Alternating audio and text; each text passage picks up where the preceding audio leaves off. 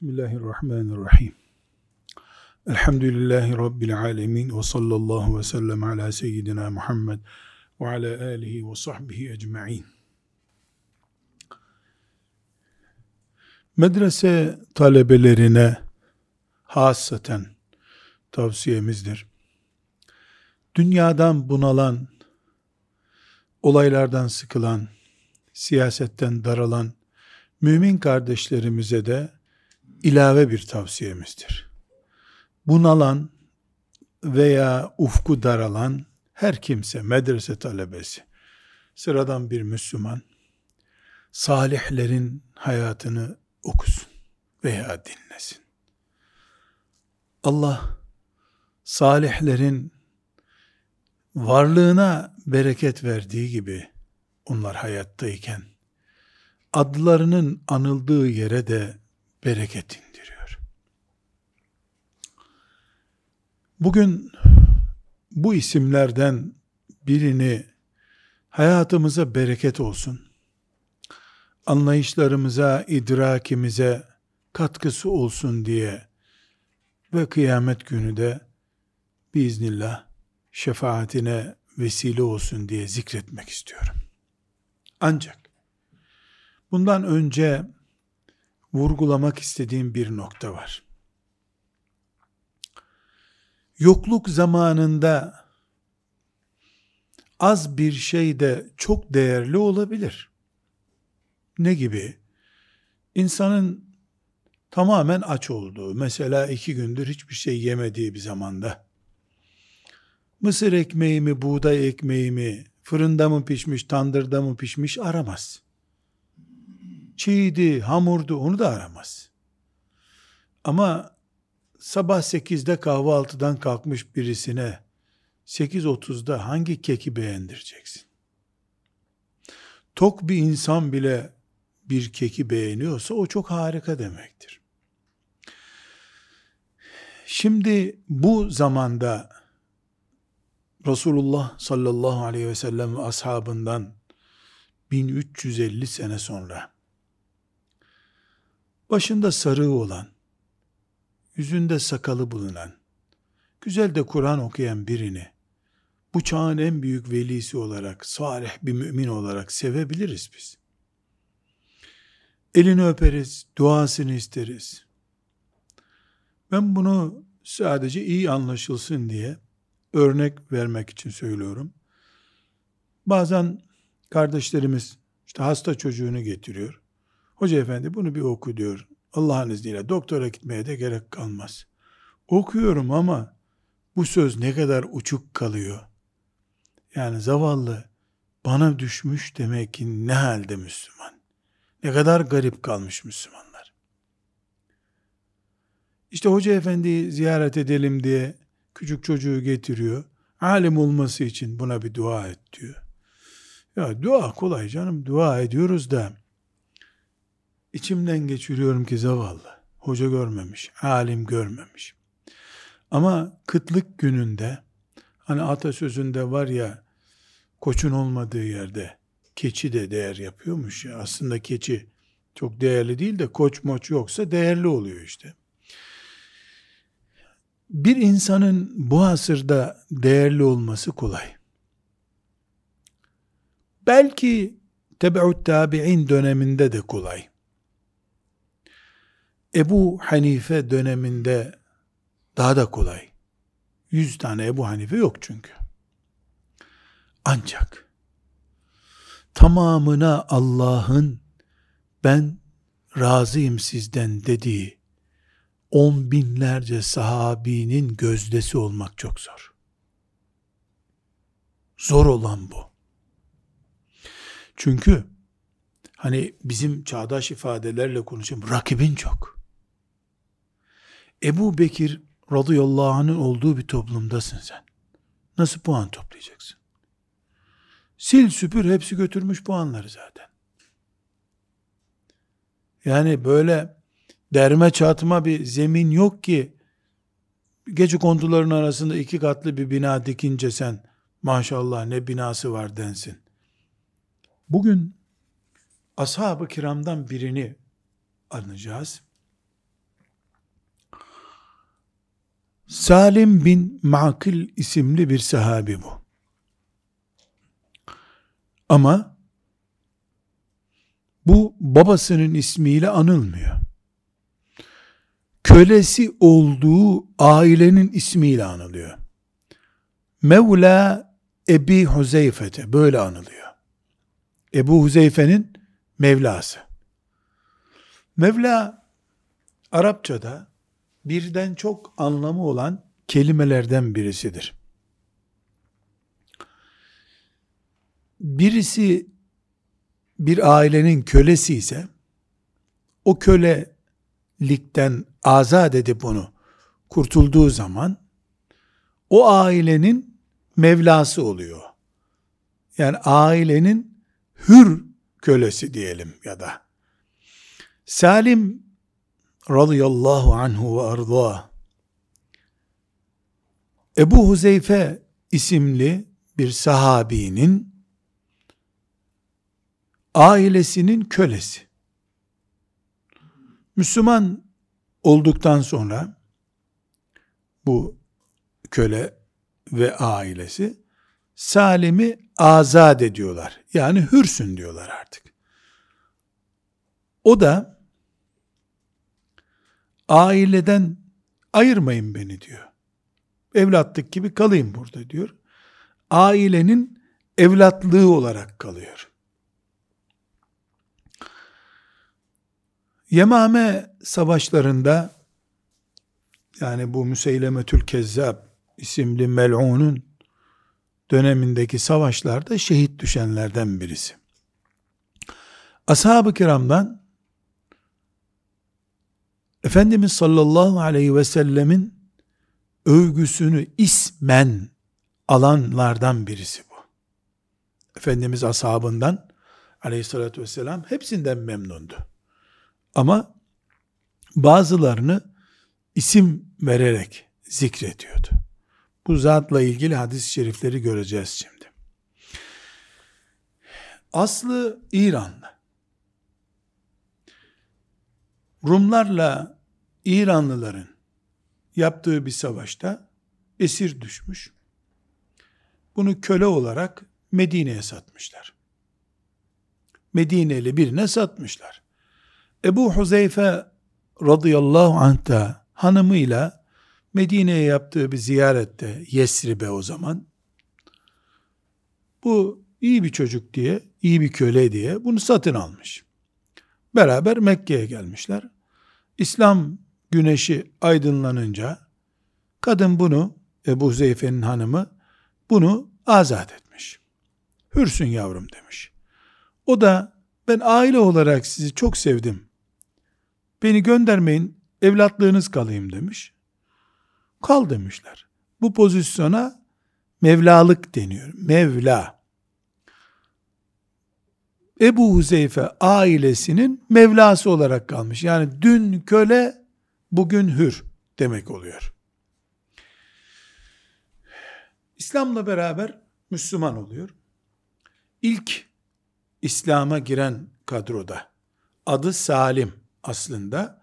Salim'den çok Ebu Huzeyfe'nin Mevlası olarak anılıyor. Özel olarak tarihe geçen yönlerinden biri Ömer radıyallahu anh'ın Medine'ye hicreti esnasında onun yol arkadaşı. Ama en güzel yönü veya en dikkat çeken yönü Kur'an-ı Kerim okuyuşu. Zaten burada bunu gündem yapmamızın salihlerden birini analım da huzurumuz olsun, bereketimiz olsun değiş nedenimiz de bu.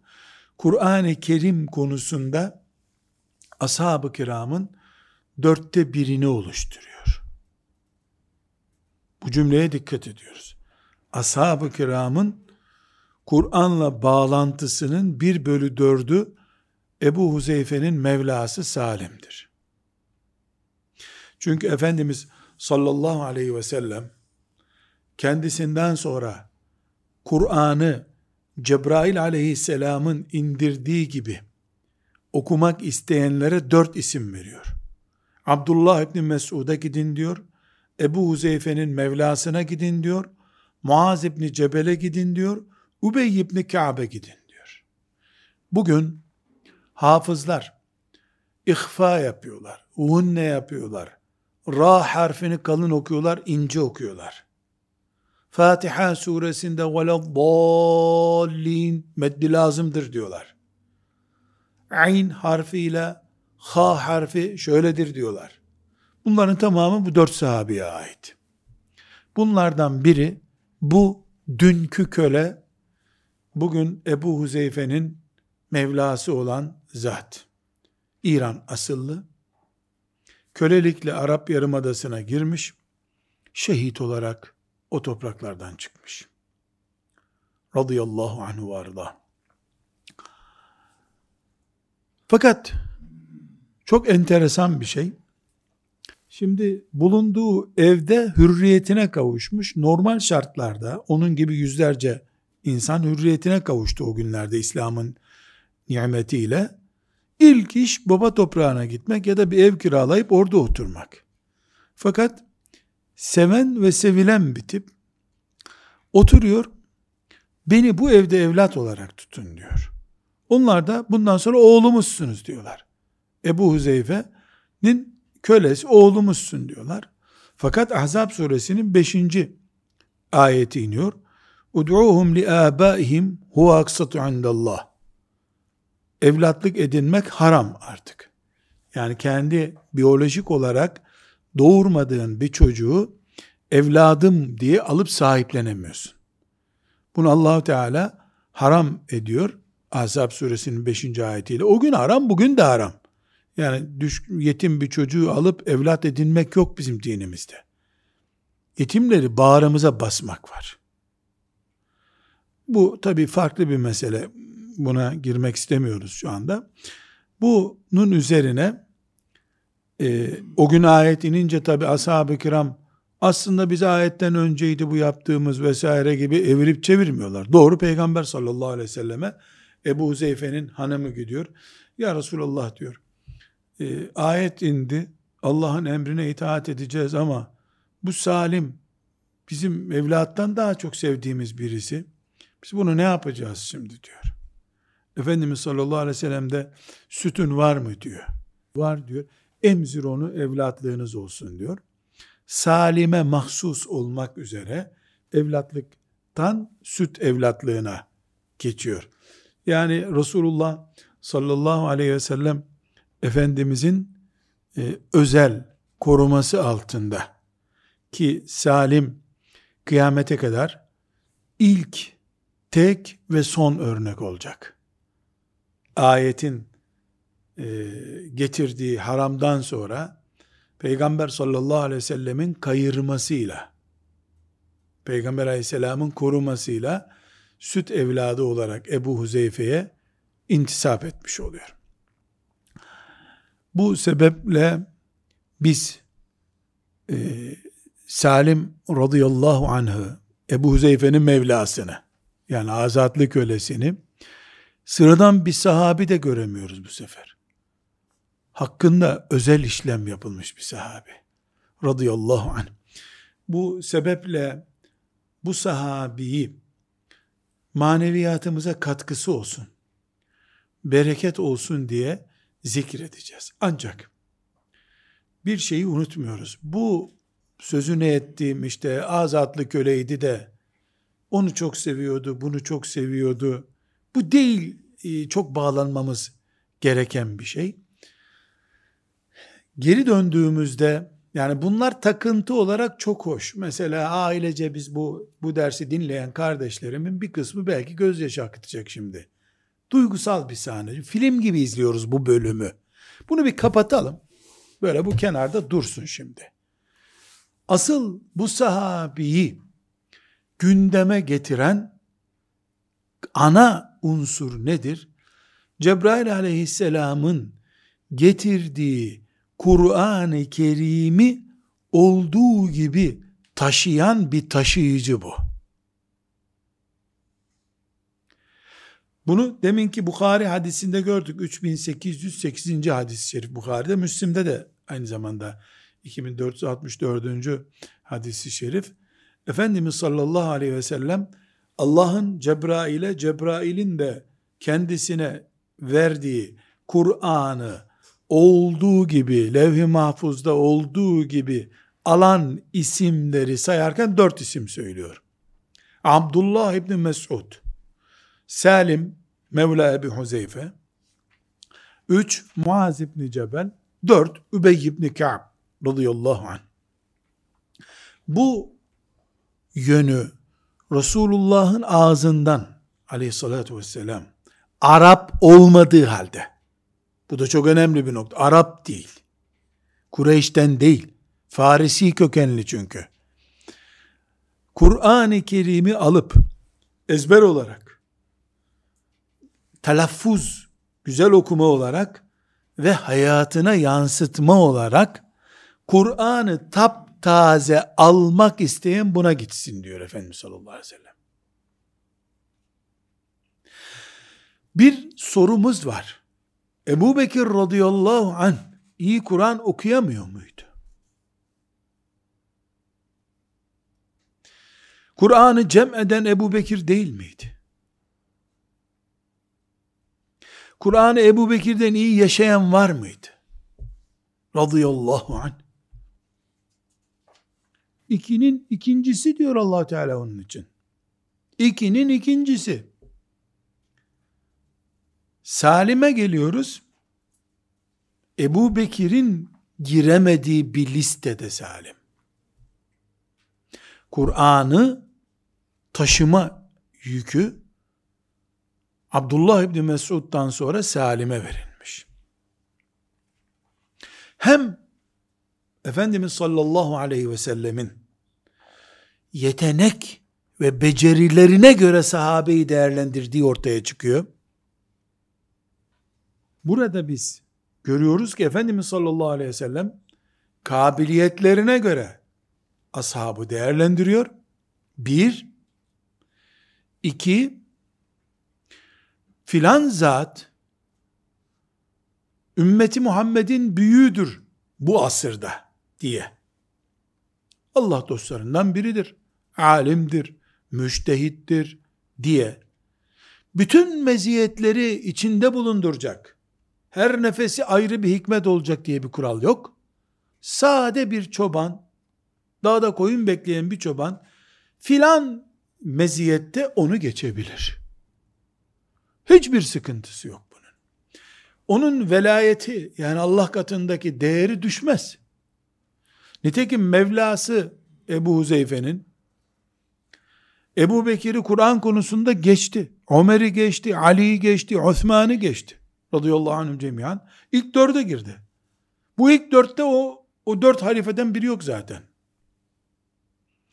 Bu hiçbir şekilde Ebu Bekir'den değerli olduğunu göstermiyor. Ali'den değerli olduğunu göstermiyor. Bugüne bereket taşısın diye bu isimleri biz öğreniyoruz dedik. Dizi film izlemiyoruz.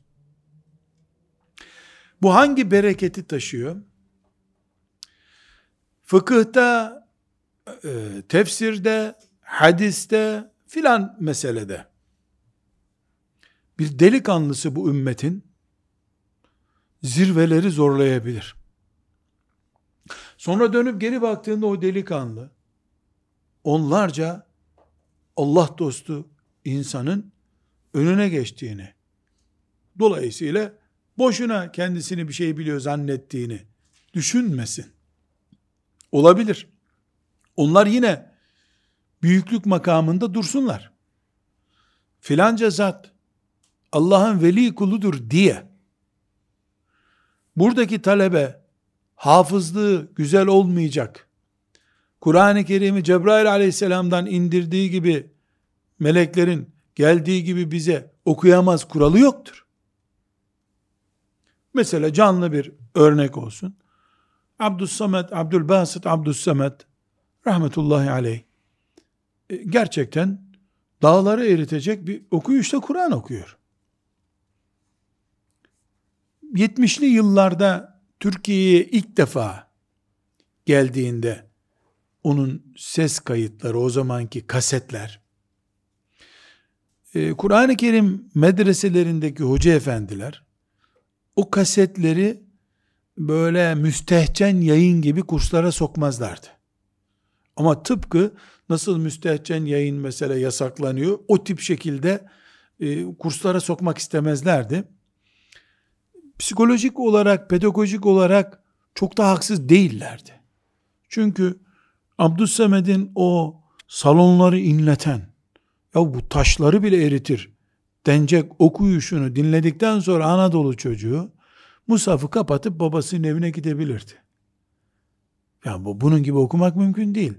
Fiilen mümkün değil hakikaten. Yani Mısır'da da onun gibisi yok zaten. Yani allah Teala farklı yaratmış, farklı bir meziyet vermiş. Ama şu düşünülmeliydi. Ya da talebeye şu aşı verilmedi. Bu çok güzel sesi var.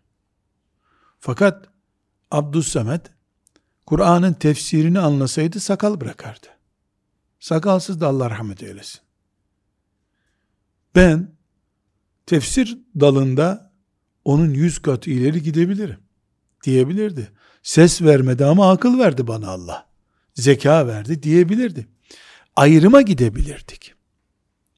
Salim radıyallahu anh İran'dan köle olarak geldiği Mekke sokaklarında Kur'an bülbülü olarak yaşadı.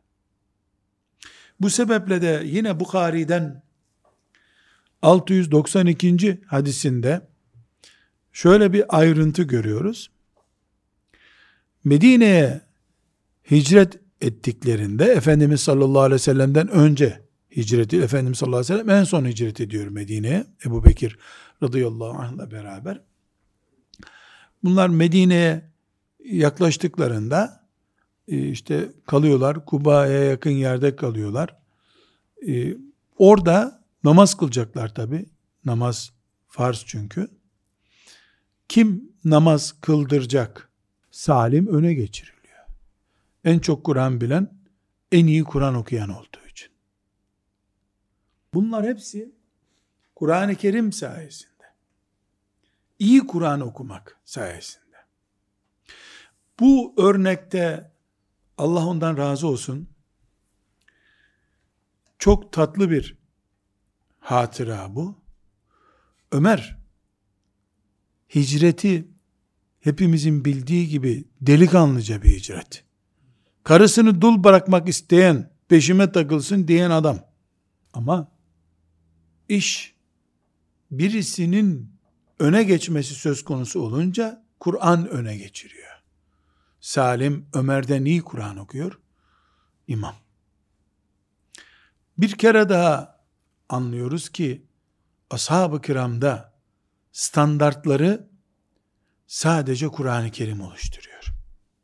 Ne kadar Kur'an-ı Kerim biliyorsun, ne kadar okuyorsun, ne kadar sadıksın Kur'an-ı Kerim'e. Keşke bu konuyu anlasaydık da kız alıp vermede kız alıp vermede ölçümüz bu olsaydı. Keşke bu adam Kur'an-ı Kerim bilen birisidir. Kefile senede gerek yok. Al git parayı getirirsin sonra diyecek güveni verselerdi. Çünkü Salim Kur'an'ı bir kere daha önümüze koyuyor. Çok enteresan İbn Kesir'in El Bidaye ve Nihayesinde anlattığı yani bugün oturup bunu not defterlerimize yazıp ya Rabbi bize de bunu nasip et diyeceğimiz bir hatırası var. Müseylemetül Kezzab le'anehullah ben peygamberim deyince Ebu Bekir radıyallahu anh'ın döneminde ona ordular gönderildi. Halid İbni Velid gitti. Orada ufak bir temizlik harekatı yaptı. Geri geldi. Halid bin Velid radıyallahu anh'ın ordusunda hem bu Salim var hem Ebu Huzeyfe de o orduda. Ebu Huzeyfe de Salim de Allah'ın kaderi evlatlıktı ya o ailede. Şehit olduklarında bakılmış ki yan yana düşmüşler. Böyle bir tesadüf eseri mi? Artık aynı mezara konmuşlar orada. Şimdi Halit radıyallahu anh işte savaş meydanı düşünelim. İşte orada bir boşluk var. O boşluğa bir 50 kişi koyuyor. Burayı siz bekleyin diyor. Bir tane sancaktar konuyor başlarına. Yani o zamanki savaş taktiğinde elinde bayrağı taşıyor. O bayrağı taşıyan düştü mü savaş kaybediliyor. Salim radıyallahu anh nispeten genç sahabe. Sen taşı sancağı diyorlar ama sonra dönüyor Halit ya bu, bunu becerebilir mi acaba diye tereddüt ediyor. Çünkü o düştü mü gerisi mağlup sayılıyor. Dönmüş demişler ki Salim yani biz sana bu bayrağı verdik ama ya düşürürsün müşürürsün sonra yani mağlup oluruz. Şu cümle çok önemli. Benim bütün hafız kardeşlerim Allah rızası için bunu not alsınlar. Niye konuşuyoruz şimdi bir sahabeyi? Ya da hangi dersi çıkaracağız? Diyor ki bu bayrak benim elimde düşer mi diyorsunuz? Benim hafız olduğumu unuttunuz mu diyor. Ben bu sancağı düşürürüm de Kur'an biliyorum nasıl derim o zaman diyor. İbni Kesir diyor ki ama diyor kolunu kopardılar diyor ve sancak düştü elinden diyor. Sol koluyla tuttu. Kopan koluyla ilgilenmedi diyor. Sol kolunu da kopardılar. Ondan sonra sancakla beraber yere düştü diyor. Radıyallahu anh.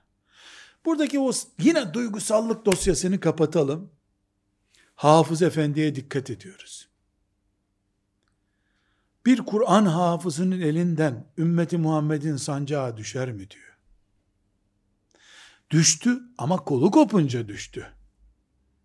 Saldırınca onlar bırakıp gider misin demek istemişlerdi ona. Nitekim o savaşta çok sahabi şehit oldu, çok.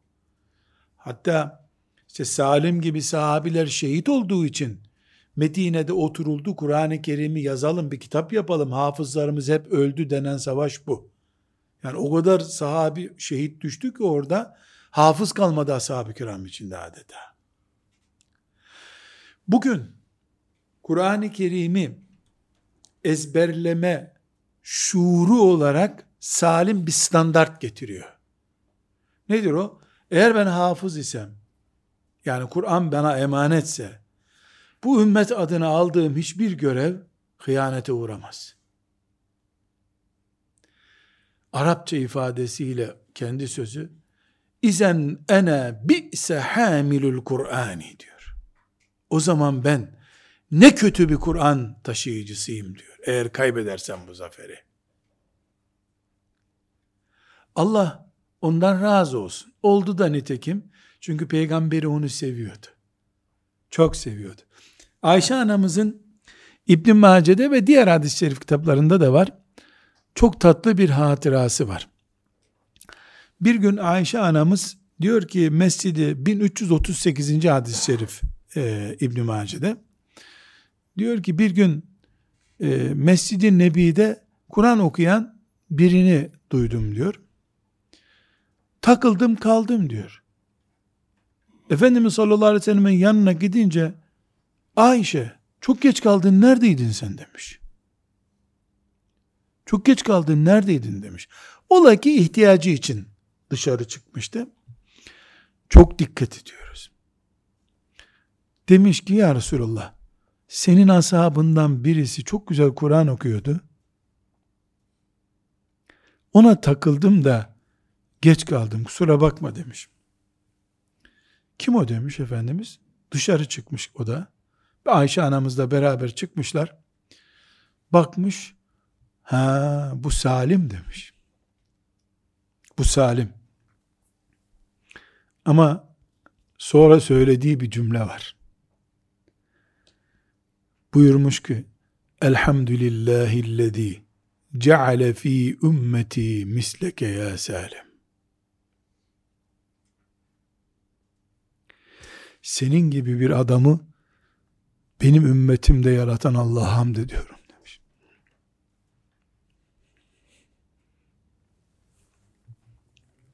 Kur'an'ın kendisine indiği bir peygamberin hayran olduğu bir sahabi olmak bu dünyada kaç kişiye nasip olur? Yıllardır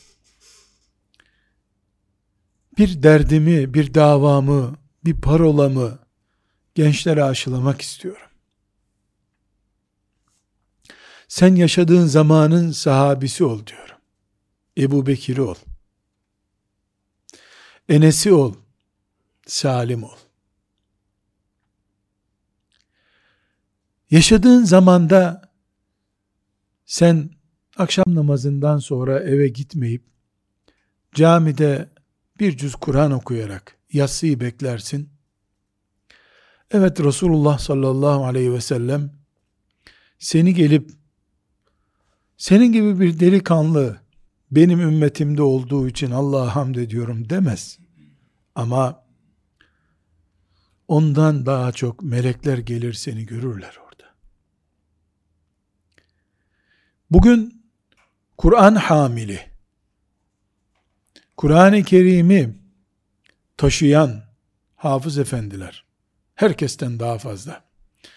Ama Kur'an taşımasa bile gençlik taşıyan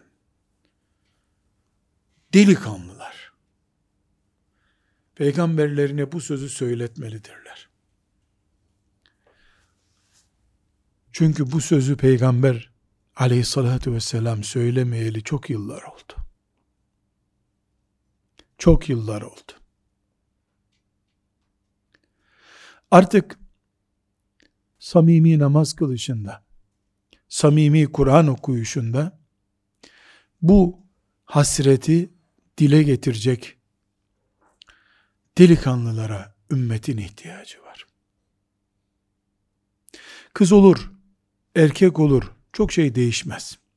Ama aranan şey Resulullah sallallahu aleyhi ve sellemin kabri şerifinden mübarek başını çıkarıp dünyanın neresinde olursa olsun bir mescitteki Kur'an okuyan veya bir evde evini mescitleştirmiş delikanlının evinde Kur'an okuyan birisine Peygamberimizin manen aleyhissalatü vesselam Elhamdülillahillezî ceale fî ümmeti misle zâlik.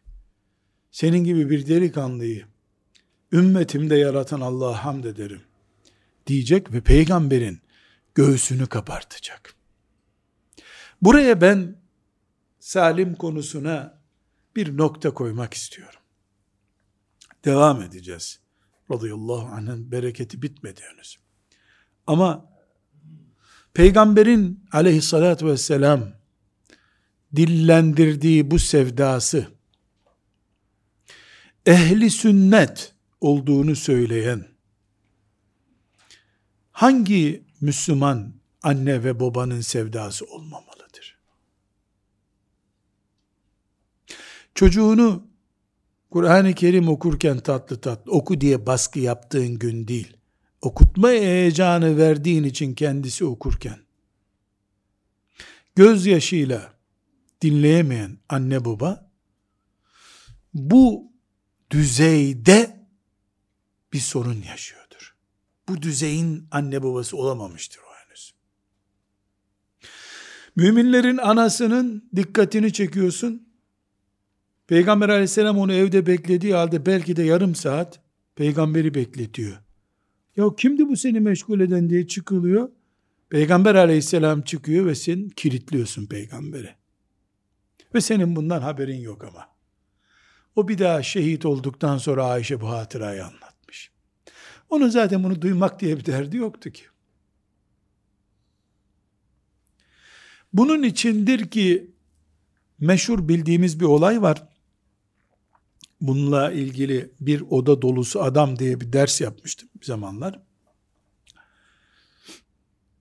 Ömer bin Hattab radıyallahu anh'ın meşhur bir hatırası var. Böyle ashab-ı kiramdan delikanlılarla ya da yaşlılarla oturduğu bir yerde diyorlar ki ya da Ömer radıyallahu anh diyor ki ya içinizden ne geçiyor herkes beklentisini söylesin. Bir söyleyin bakalım diyor. Biri diyor ki bu oturduğumuz oda kadar altınım olsa da Allah yolunda sadaka olarak versem bunları diyor. Sahabe kafası. Sen ne isterdin diyor. Başka birine işaret ediyor. Şimdi altın dolusu o da diyor ki bu oda mücevher dolu olacaktı ki diyor hani altından daha değerli. Allah yolunda infak edecektim onları diyor. Derken üçüncü oradaki kişi anlıyor ki ona da sıra gelecek.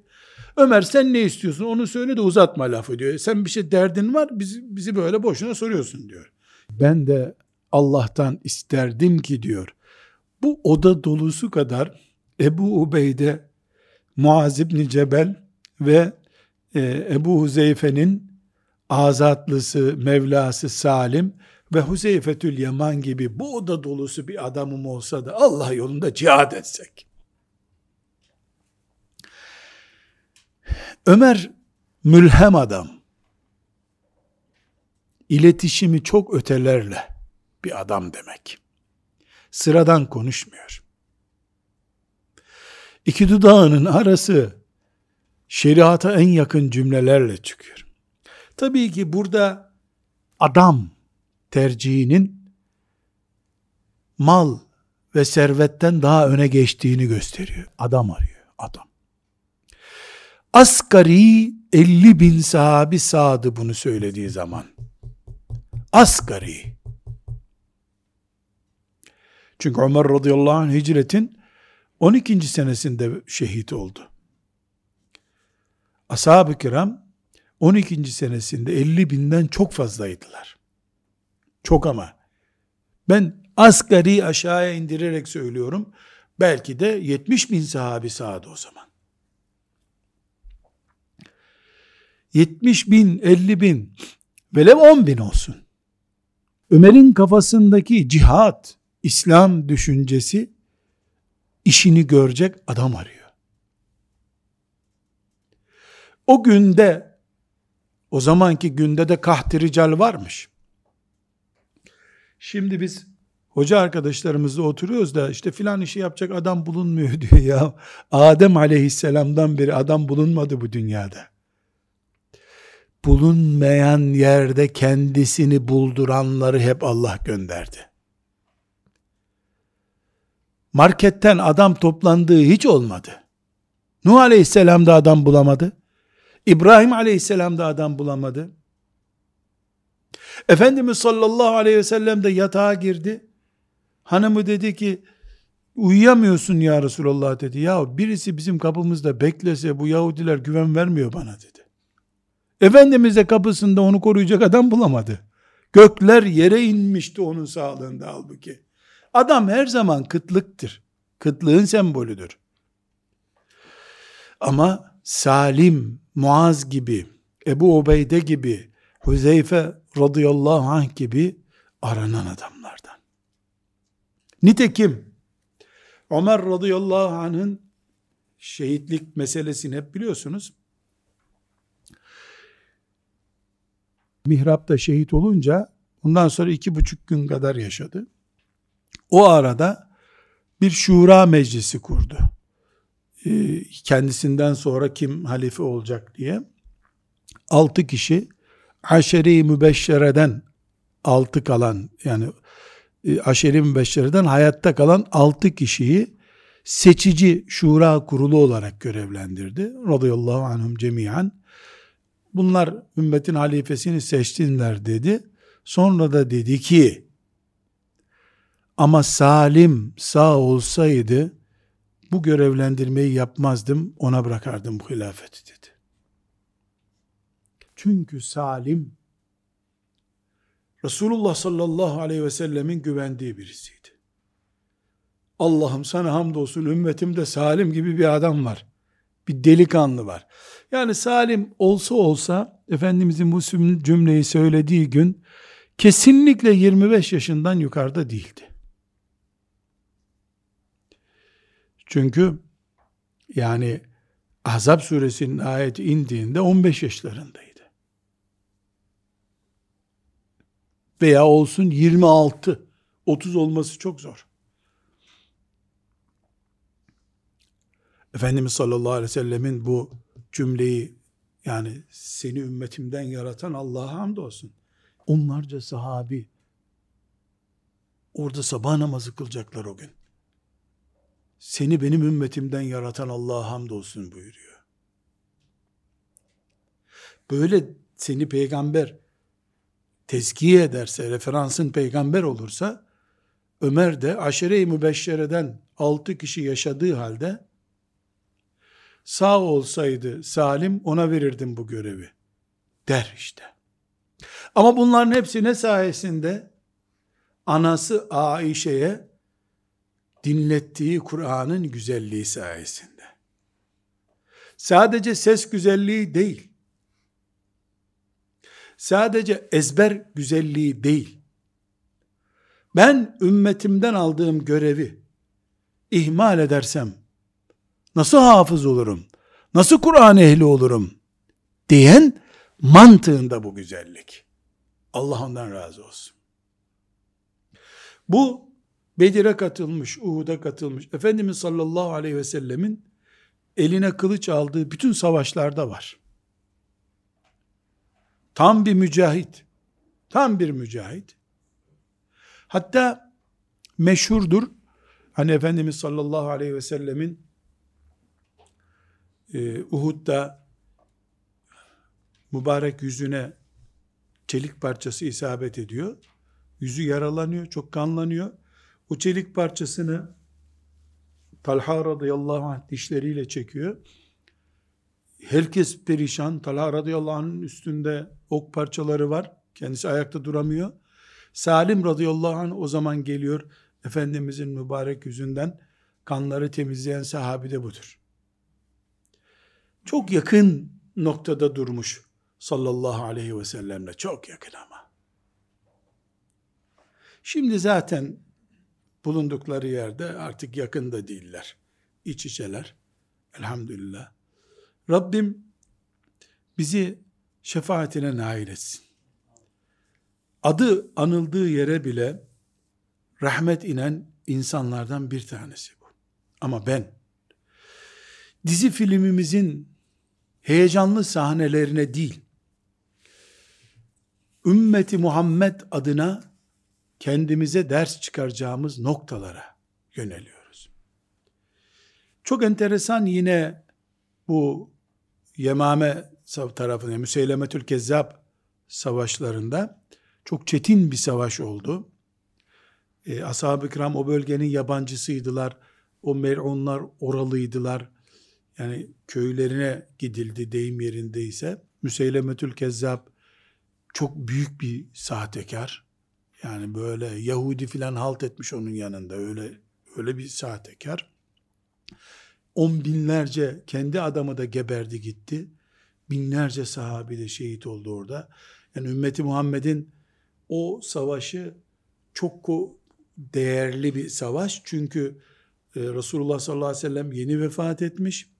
Orada Halid bin Velid radıyallahu anh mağlup geri dönseydi belki bugün biz İslamiyet'in zahiri sebepler manasında İslamiyet'in ezanlarını dinleyemezdik.